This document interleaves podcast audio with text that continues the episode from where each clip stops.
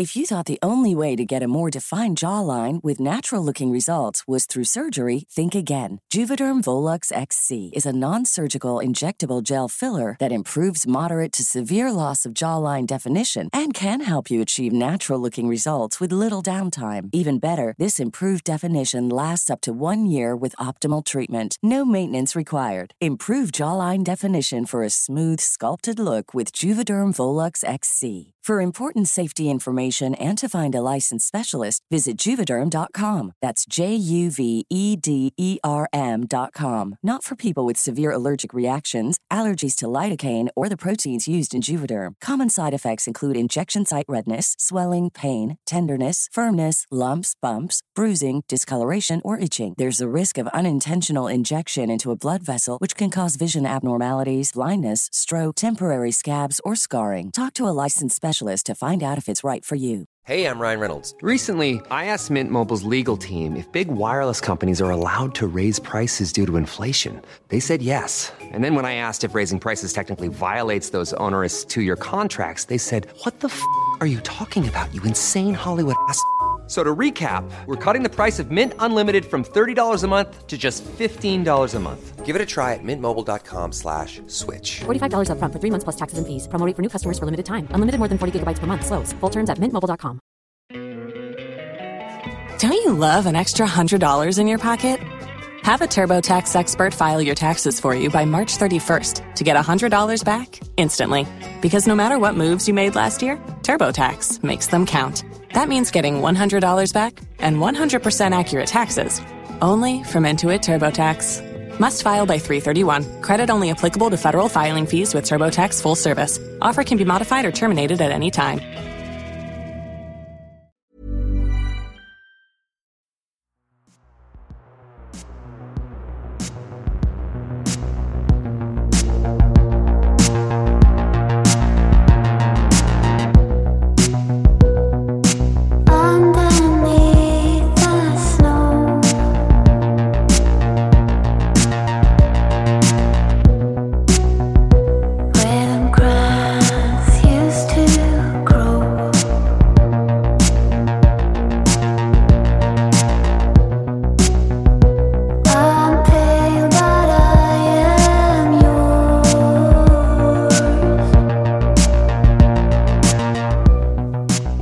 Nästa mord Betsy Artsma Del 1 Det här avsnittet är skrivet av Johan Grek. Ljudsättning och klippning är gjord av mig, David Oskarsson. Och det är också jag som läser in det här avsnittet. Drygt 50 år efter att en universitetsstudent blev mördad i partibiblioteket på Penn State-universitetet i Pennsylvania försöker en del personer fortfarande att lösa fallet. Det har blivit en slags mytisk händelse på Penn State.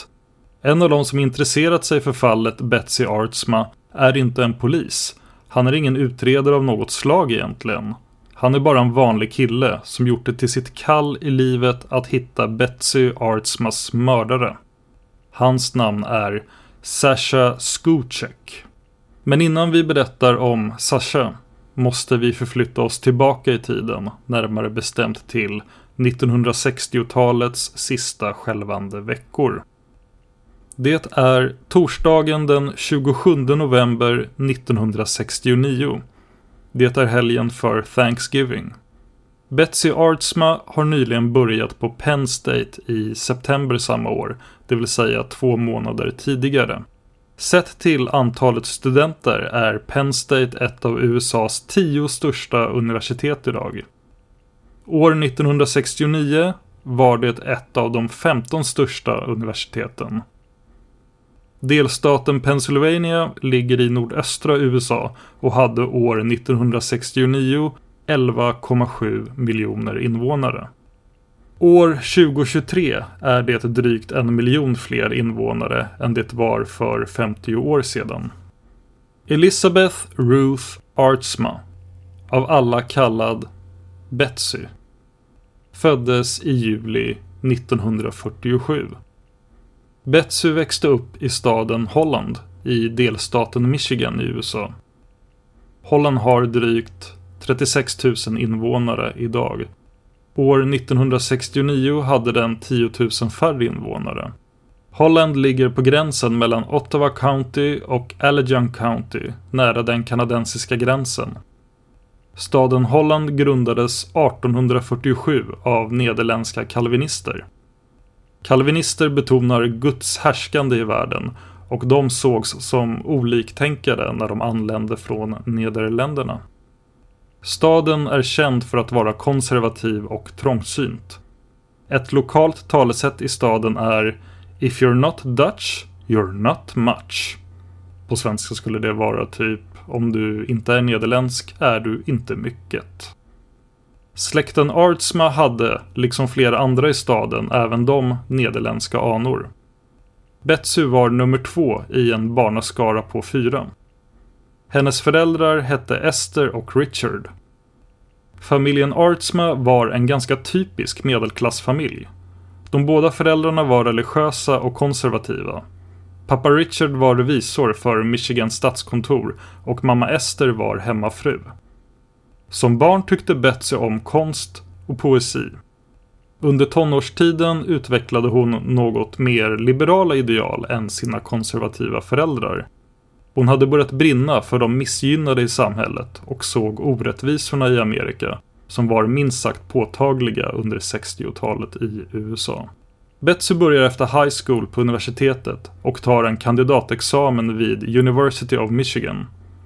Hon ansöker och får sedan besked om att hon hade antagits till fredskåren, The Peace Corps, vilket inneburit att hon skulle arbetat för fredskåren i Afrika i ett år. Fredskåren var en oberoende federal organisation i USA. Den grundades 1961 av president John F Kennedy. Men planerna om fredskåren ändrades och istället följer Betsy med sin pojkvän David Wright till Pennsylvania för att studera på Penn State. David var nämligen läkarstudent på Penn State. David sa till Betsy att han inte var säker på om han kunde vänta ett år på att Betsy skulle komma tillbaka om hon gick med i fredskåren. Betsys föräldrar var glada över flytten till Penn State. Speciellt eftersom det våren 1969 hittades flertalet kvinnor mördade runt Ann Arbor, nära staden Holland där de bodde. Den här seriemördaren visade sig senare vara en man vid namn John Norman Collins. Idag heter han John Norman Chapman och han dömdes till livstidsfängelse 1970. Chapman kallades även för Ypsilanti Ripper, The Michigan Murderer samt The Co-Ed Killer, precis som Ed Kemper. Chapman blev endast dömd för ett mord, men polisen tror att han ligger bakom fem andra mord på unga barn och kvinnor mellan 1967 och 1969. Det är torsdag kväll den 27 november 1969. Betsy har tillbringat sin lediga tid under Thanksgiving i orten Hershey, drygt två timmar med bil från universitetet i Pennsylvania, med pojkvännen David. Betsy tar bussen tillbaka till Penn State från Hershey, ensam på torsdagskvällen, för att få lite extra tid över till en inlämningsuppgift hon har i engelsk litteratur. Strax innan 16-tiden på fredagen, dagen efter Thanksgiving, lämnar Betsy och hennes rumskompis Sharon studentrummet för att gå till biblioteket som kallas Parti, namngivet efter författaren Fred Lewis parti. Där skiljs deras vägar åt. Betsy tar en snabb omväg till byggnaden bredvid biblioteket där lärare och professorer sitter och arbetar. Hon tar den här omvägen för att ställa en snabb fråga och återlämna en bok till Harry Meeslor, en av professorerna i engelsk litteratur på institutionen. To Hulu this March, where our new shows and movies will keep you streaming all month long. Catch the acclaimed movie All of Us Strangers, starring Paul Mescal and Andrew Scott. Stream the new Hulu original limited series We Were the Lucky Ones with Joey King and Logan Lerman. And don't forget about Grey's Anatomy. Every Grey's episode ever is now streaming on Hulu. So, what are you waiting for? Go stream something new on Hulu. Say hello to a new era of mental health care. Cerebral is here to help you achieve your mental wellness goals with professional therapy and medication management support. 100% online. you'll experience the all new Cerebral Way, an innovative approach to mental wellness designed around you. You'll get a personalized treatment plan from a therapist, prescriber, or both in a safe and judgment free space. Your cerebral therapist or prescriber will outline a customized plan with clear milestones along the way so you can get to feeling your best. With Cerebral, you're not alone in your mental health journey. We're here to empower you to live a fulfilling life. So take that first step towards a brighter future and sign up today at cerebral.com slash podcast and use code ACAST to get 15% off your first month. Offer only valid on monthly plans. Other exclusions may apply. Offer ends July 31st, 2024. See site for details. Hey, I'm Ryan Reynolds. Recently, I asked Mint Mobile's legal team if big wireless companies are allowed to raise prices due to inflation. They said yes. And then when I asked if raising prices technically violates those onerous two year contracts, they said, What the f are you talking about, you insane Hollywood ass? So to recap, we're cutting the price of Mint Unlimited from $30 a month to just $15 a month. Give it a try at mintmobile.com slash switch. $45 upfront for three months plus taxes and fees. Promo rate for new customers for limited time. Unlimited more than 40 gigabytes per month. Slows. Full terms at mintmobile.com. vittnen. Betsy går sedan till biblioteket och fortsätter till våning 3 där hon hittar ett skrivbord som hon kan sitta och plugga vid. Hon slänger av sig sin kappa vid skrivbordet. Hon går sedan över till huvuddelen på samma våningsplan och tittar i bibliotekskatalogen, vilket är ett register över alla böcker på biblioteket. Betsy går sedan ner till våning 2 i bibliotekets innersta grottliknande hjärta som huserar rader och åter rader av böcker. Den här platsen är känd som Magasinet. En bibliotekarie noterar Betsy magasinet i en smal gång mellan rad 50 och 51 då det är få människor i magasinet vid den här tiden. Magasinet var förr inte öppet för studenter men hade nu öppnats upp för allmänheten. Därför är det väldigt smalt mellan gångarna då det tidigare var bibliotekarierna som skötte reservationerna. Det är inte anpassat för flera besökare. Betsy verkar leta efter en specifik bok i magasinet enligt bibliotekarien på plats.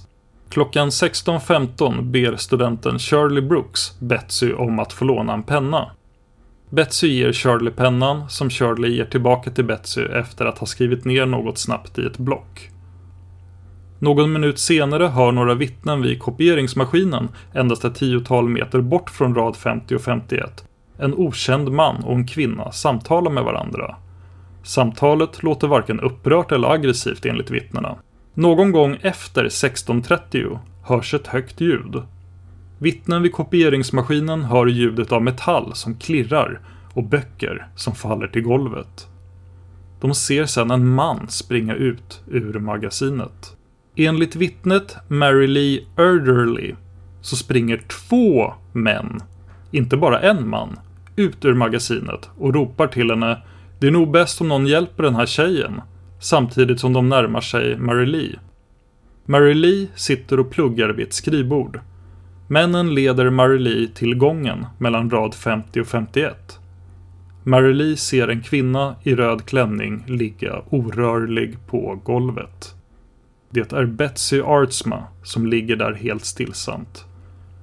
Böcker ligger spridda runt omkring henne. De två männen lovar att gå iväg för att hämta hjälp och försvinner därefter iväg. Mary Lee tror att Betsy har svimmat eller fått något slags anfall. Det finns inget blod vad Mary Lee kan se. En pöl av urin syns dock på golvet. Mary Lee skriker efter hjälp, men ingen kommer på vad hon senare skulle säga kändes som 15 minuter. Kort efter detta ses en glasögonprydd man springa ut ur bibliotekets huvudingång och det ses av besökare som står och väntar på att deras väskor ska kontrolleras vid utgången av en säkerhetsvakt på biblioteket. Detta för att böcker tidigare har stulits. Klockan 17.01 får Rightnors läkarcentral på universitetsområdet ett samtal från biblioteket på Penn State. Ambulansen åker till biblioteket, men inte i ilfart då de endast tror att det är en avsvimmad student. Väl på plats i biblioteket hittar en ur ambulanspersonalen Betsys puls. Ambulanspersonalen var inte färdigutbildad än, vilket kan vara en förklaring till misstaget då Betsy förmodligen redan var död. När ambulansen anländer till läkarcentralen har redan en liten grupp människor samlats på platsen. Då läkarcentralen ligger inom det stora universitetsområdet. Det är först på läkarcentralen som en doktor inser att Betsy blödde ur ett sår. Klockan 17.20 dödförklaras Betsy Artsma. Den första polismannen på plats var Mike Simmers från Pennsylvania-polisen. Simmers säkrar brottsplatsen omedelbart. Tyvärr hade en vaktmästare redan hunnit torka bort urinet på golvet som kommit från Betsy. Små bloddroppar hittades i trappen som ledde till magasinet på våning 3. Dropparna tillhörde samma blodgrupp som Betsy. Det indikerade att mördaren, eller mördarna, lämnat brottsplatsen den vägen. Både Mike Simmers och en av utredarna i fallet, Ron Tiger, trodde att Betsy kanske känt mördaren. Möjligen kan det ha handlat om ett möte. Detta baserades på att mördarna närmat sig Betsy framifrån och att Betsy varken gett ifrån sig skrik eller försökt fly. Gången var så smal att man hade behövt vända sig för att passera förbi. Betsy hade inte heller gjort något försök att fly eller skrika. De trodde inte att Betsy hade blivit förföljd då besöket var så spontant. Betsy skulle ju egentligen befunnit sig i Hershey med sin pojkvän, men åkte hem tidigare. Betsy hade kommit hem sent kvällen innan och inte vistats ute på området innan hon besökte biblioteket nästa dag. Förutom avsaknaden av blod ställde brottet flera frågor enligt polismannen Ron Tiger i tidningen Penn Live 2019. Varför skrek inte Betsy? Varför sprang en man ut ur huvudentrén från biblioteket? Var det en eller två gärningsmän? Endast vittnet, Mary Lee Erderly, hade sett två män. Men den största frågan kvarstod. Varför mördades Betsy Artsma? Hade hon kommit på någon med att göra något illegalt eller oanständigt som gjorde att de inte ville bli igenkända? Var hon involverad i narkotikaaffärer? Var det ett våldtäktsförsök? Betsy Artsma kände knappt någon på campusområdet än. Hon hade bara gått på universitetet i två månader. På helgerna åkte hon alltid till pojkvännen i Hershey. Dagen efter mordet på Betsy satte polisen upp ett tillfälligt högkvarter i en av byggnaderna på Penn State. Där arbetade 23 delstatspoliser, däribland Simmers och Tiger, dygnet runt för att först identifiera, sedan hitta och till sist förhöra över 650 studenter och personal som alla hade besökt biblioteket dagen för mordet. Betsys pojkvän David blev i ett tidigt skede misstänkt, vilket inte är helt ovanligt för en pojkvän.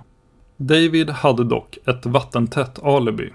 David hade befunnit sig i en liten studiegrupp i Hershey vid tiden för mordet. Polisen besökte Betsys klass i engelsk litteratur och förhörde alla i klassen, vilket var över 60 stycken elever. Läraren i klassen, Nicholas Jokowski, sa till tidningen The Penn Stater år 2009 följande. Alla var frestade att peka finger på varandra. Det var specifikt en större kille i klassen och flera studenter ville att det skulle vara han som hade mördat Betsy. Men det var det inte, säger Jukowski. Den störiga killens namn var Larry Moorer, M-A-U-R-E-R. Larry hade blivit bekant med Betsy veckorna innan hennes död. De hade gått och tagit en kaffe en gång tillsammans. Det fanns inget känt om att de skulle vara osams. Larry fick göra ett lögndetektortest. Men det har aldrig framkommit om han lyckades eller misslyckades med testet. Larry var blond, normallång och bar inte glasögon.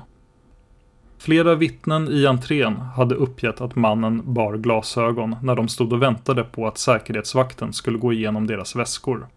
Ett av vittnena var en klasskamrat till Larry och borde känt igen honom om det var han. Flertalet studenter på universitetet var nu livrädda. Hur rädda de var gick att läsa om i bland annat skoltidningen Daily Collegian. Även innan mordet på Betsy hade incidenter skett i partibiblioteket enligt The Daily Collegian. Under Thanksgiving-helgen hade flera smygtittare rapporterats runt om på universitetsområdet. Men det hade även rapporterats in flera händelser om män som exponerade sig för folk på området runt omkring partibiblioteket. Det låter alltså som att de hade problem med flera stycken blottade. Betsy var, enligt hennes vänner, i grunden en positiv person. Men Betsy hade även en mörkare sida. Ibland kunde hon säga att hon hade en sorts föraning om att hennes liv skulle bli kort.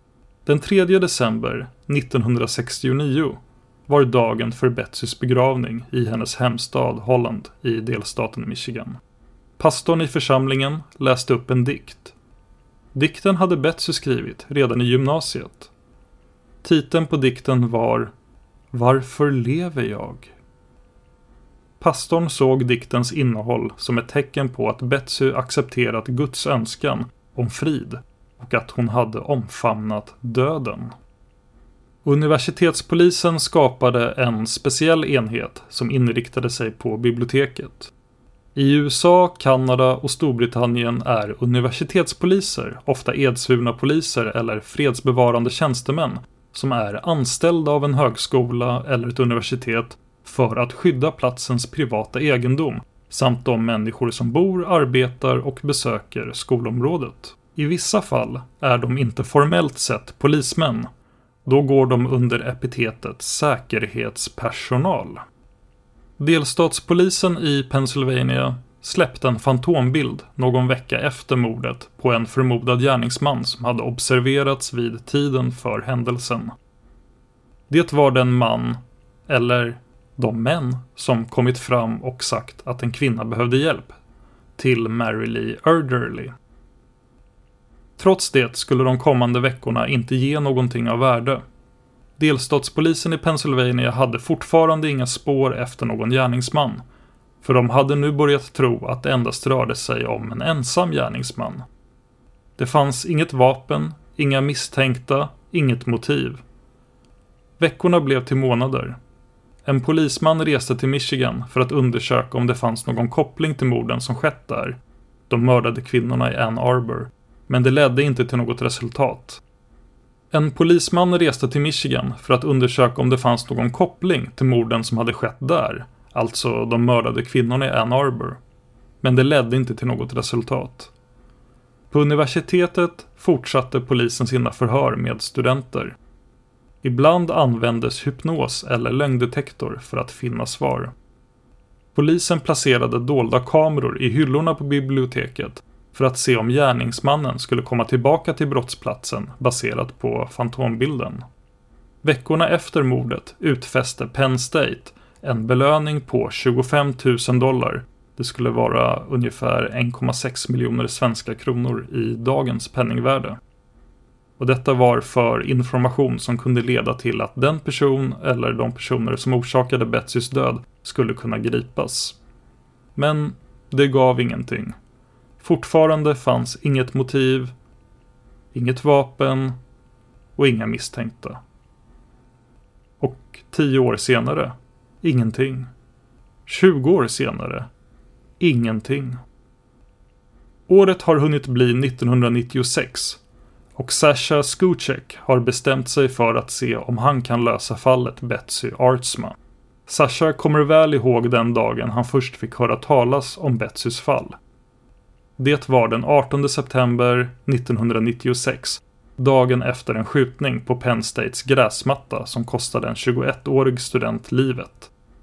Sasha var då första års elev på skolan och läste i skoltidningen om ett annat mord som hänt 27 år tidigare, nämligen mordet på Betsy Artsma.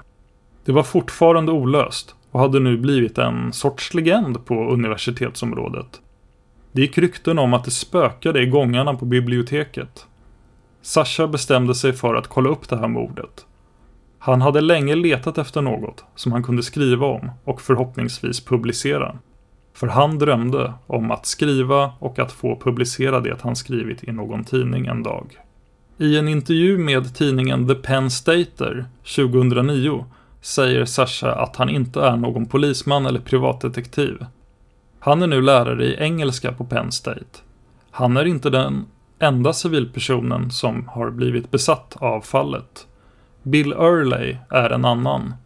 Bill är en pensionerad konsult på Wall Street som gick på Penn State strax efter att Betsy blev mördad år 1969. Bill gjorde efterforskningar under flera år och började skriva en bok. Men till slut gav han upp. Författaren Pamela West baserade sin science fiction-roman 2020 Vision på fallet Betsy Artsma. Ryan Buell är en undersökande journalist för tv-programmet Paranormal State som filmade ett segment om Betsys spöke som en del människor tror hemsöker biblioteket. Ryan försökte få godkännande att göra en exorcism bland hyllorna där Betsy mördades. Men han fick ett nej från ledningen på universitetet. Men Sasha Skushek har lagt ner ännu mer tid på fallet än alla andra. I intervjun från 2009 säger Sasha att han ägnat 13 år av sitt liv åt att undersöka fallet och att han har skrivit fyra artiklar om det i tidskriften State College Magazine. Sasha har även åkt till Michigan för att besöka Betsys grav. Han har till och med ett foto av Betsy i sin plånbok. Den här snubben kom undan med att mörda någon. Det är något som känns rätt för min del att försöka ändra på det. Förmodligen kommer det inte ske, men jag tänker fortsätta försöka lösa det här fallet, säger Sasha. Sasha kände inte ens Betsy Artsma. När hon mördades var han inte ens född. När jag först mötte Sasha så visste han mer om fallet än vad jag gjorde, säger polismannen Kent Bernier till The Penn Stater 2009. Bernier var då huvudutredare för Betsy Artsmas fall. Han har gjort sin hemläxa, han fokuserar på saker som faktiskt kan lösa fallet, menar Bernier om Sasha. Sasha plöjde igenom allt biblioteket hade om fallet. Efter en tid fick han tag i en person som ingen journalist tidigare hade pratat med. Mannen han fick tag i var Thomas Magnani. Magnani var den rättsläkare som hade utfört Betsys obduktion. Enligt Magnani hade knivhugget skadat lungartären och punkterat Betsys hjärta. Head over to Hulu this March, where our new shows and movies will keep you streaming all month long. Catch the acclaimed movie All of Us Strangers, starring Paul Mescal and Andrew Scott. Stream the new Hulu original limited series We Were the Lucky Ones with Joey King and Logan Lerman. And don't forget about Grey's Anatomy. Every Grey's episode ever is now streaming on Hulu. So, what are you waiting for? Go stream something new on Hulu. Blodet hade runnit ut inuti Betsy och fyllt hennes brösthåla. Den lilla mängd blod som hade läckt ut syntes inte på grund av den röda klänning som Betsy hade på sig. Detta gjorde att ingen polis tillkallades till platsen samt att biblioteket inte stängdes ner. Det bidrog även till att människor och alla deras fingeravtryck samlades på brottsplatsen efter mordet, vilket totalt kontaminerade brottsplatsen. Allt detta hade lett till att mördaren eller mördarna kunde komma undan lättare. För ingen visste i den stunden att ett mord hade begåtts. Magnani avslöjade att Betsy inte hade kämpat emot. Hon hade inga blåmärken efter försvarsskador. Det fanns inte heller några rester av hud under hennes naglar. Detta var information som polisen kände till, men som de aldrig hade släppt till media. Betsy dog väldigt snabbt, sa Magnani. Det tog inte mer än högst någon minut. Hugget gjorde att lungorna fylldes med blod så att hon inte kunde skrika, fortsätter Magnani. Vad hon såg under den knappa minuten, skrev Sasha senare, har hemsökt mig sedan dess. Sasha fortsatte sitt arbete och letade upp Nikolas Jukowski, en av lärarna i engelska som Betsy haft. Jukowski har nämnts tidigare i berättelsen. Jukowski avslöjade att Betsy och hennes rumskompis gjorde ett kort stopp i Burroughs Building, vilket var den byggnad bredvid biblioteket som lärarna satt i innan deras vägar skildes åt och Betsy gick till biblioteket. Jukowski var där och han frågade Betsy efter en biblioteksbok hon lånat av honom till ett projekt som de hade haft i klassen. Betsy hade med sig boken och hade tänkt lämna den hos Jukowski men sa att hon kunde återlämna den på biblioteket då hon ändå skulle dit. Sasha avslöjade även historien bakom en tidig misstänkt som fallit i glömska. En professor i engelska vid namn Robert Durgy. Durgy hade anlänt till Penn State från universitetet i Michigan i augusti 1969, några månader innan mordet.